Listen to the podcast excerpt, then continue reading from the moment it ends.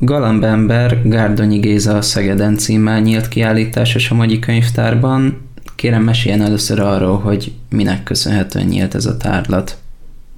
Gárdonyi Géza Szegedi éveit dolgozza fel a Somogyi Könyvtár új kiállítása. Ez, ennek az volt a az apropója, hogy halálának századik évfordulóján emlékezünk Gárdonyira, és a helyismereti gyűjtemény rendszeresen szerkeszt olyan kiállításokat, és igyekszik megismertetni az érdeklődőket helytörténeti vonatkozású anyagokkal, és hát ennek kapcsán gondoltunk arra, hogy talán érdekes volna az, hogyha ezen a, az évfordulón a szegedi éveket vizsgálnák meg egy kicsit közelebbről ebben a kiállításban.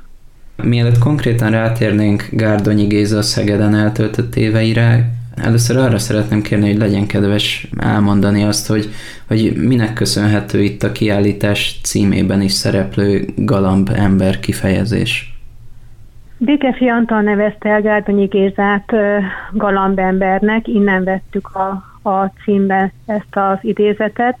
Egészen pontosan a végtelen szelítsége okán ragadt rá ez, a, ez az elnevezés, és ez a visszafogott természet, a jámbor, szelíd, visszahúzódó író alkat, ami már egész korán jellemezte a művészt, ez inspirálta a környezetét arra, hogy, hogy egyfajta galambszelítségű vagy galamblelkű emberként apostrofálják. Kérem meséljen akkor arról az időszakról, hogy Gárdonyi Gézát hogyan sodorta az élet Szegedre.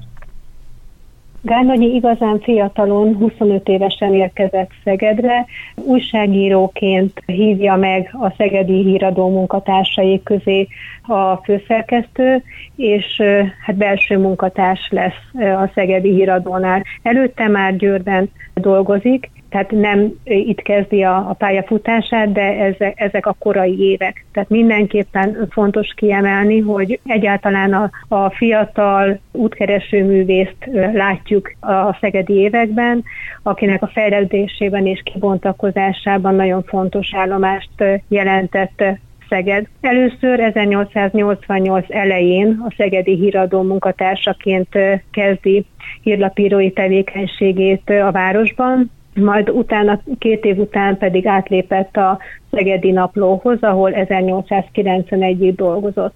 Tehát egy bő három év az, amit nálunk tölt, és ez idő alatt mind a két nagy újságnál, napilapnál fontos szerepet játszott. Olyannyira, hogy nem csak a hírek szerkesztésében, tudósításokban vett részt, hanem mind a két lapnál szerkesztője volt a, az adott lap hát szatirikus mellékletében, viccelapjában, ami hetente egy kicsit ki karikírozva jelenítette meg a város életét. Ebben nem csak szerkesztő volt, hanem nagyon sokszor versekkel vagy írásokkal is jelentkezett.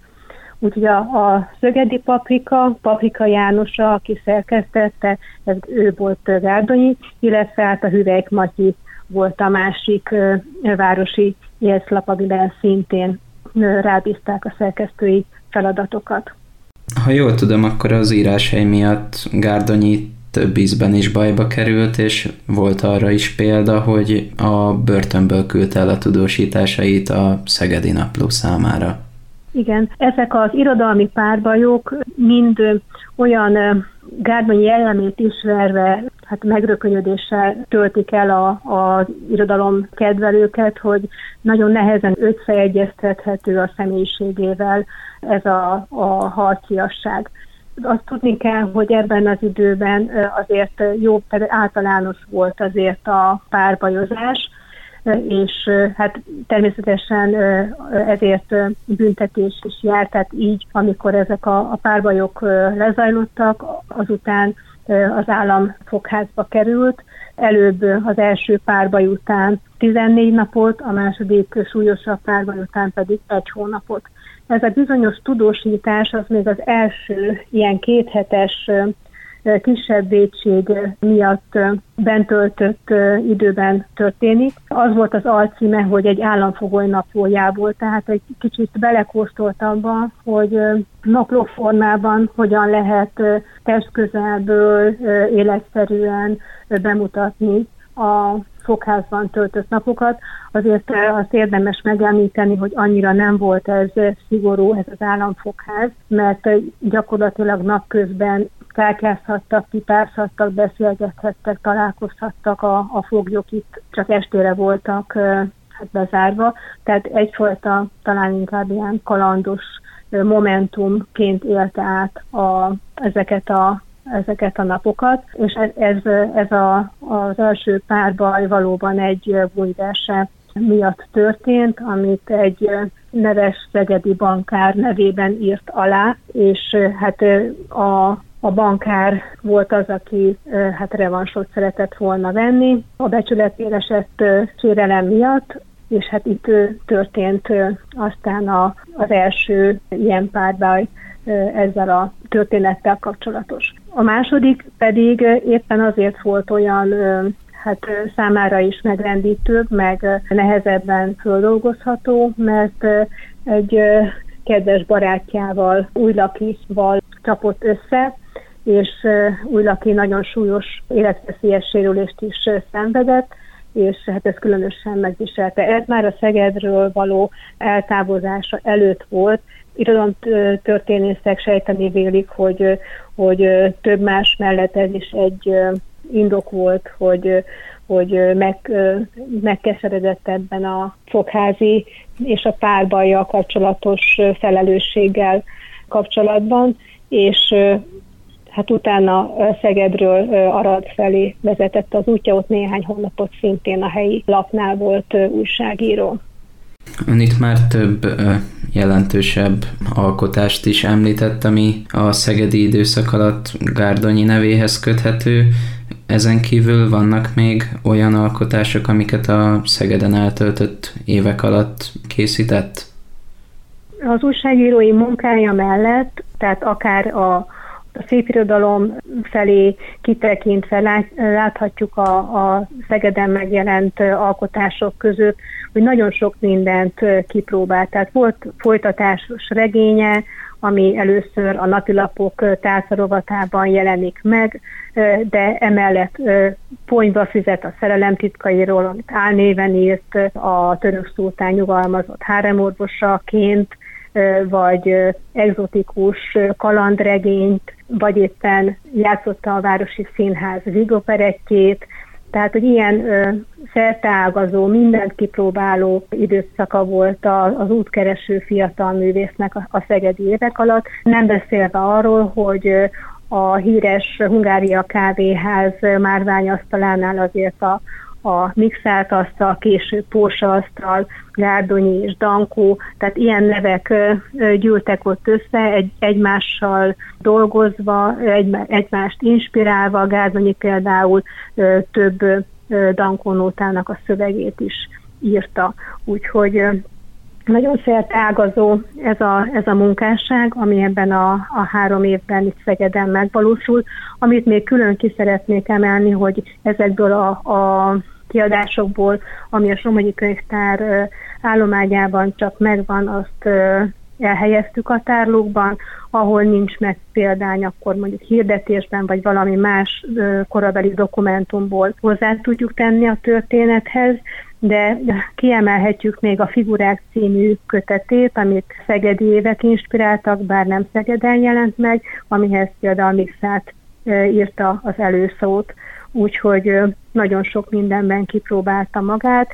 Hát emellett ugye a, a, az értlapok szerkesztése és írása is ebben az időszakban volt, úgyhogy nagyon sok minden hatás érte, és nagyon szertágazó volt az érdeklődése ezekben a, az években. Ha jól tudom, akkor Gárdonyi azt követően is tartotta a kapcsolatot a várossal, miután ugye elköltözött innen, és 1895-ben például a Dugonics társaság tagjává is választották. Kérem meséljen kicsit arról bővebben, hogy hogyan alakult Gárdonyi és Szeged kapcsolata a későbbiekben. Gárdonyi a szegedi évek után, tehát tovább indulva egyre inkább ismert lett országosan is, és nem, nem volt nagyon szoros a kapcsolat, de azért ápolta ezeket a kapcsolatokat, és Szeged városa is mindig Szegedhez kötődő íróként emlékezett rá szegedi kapcsolatai miatt.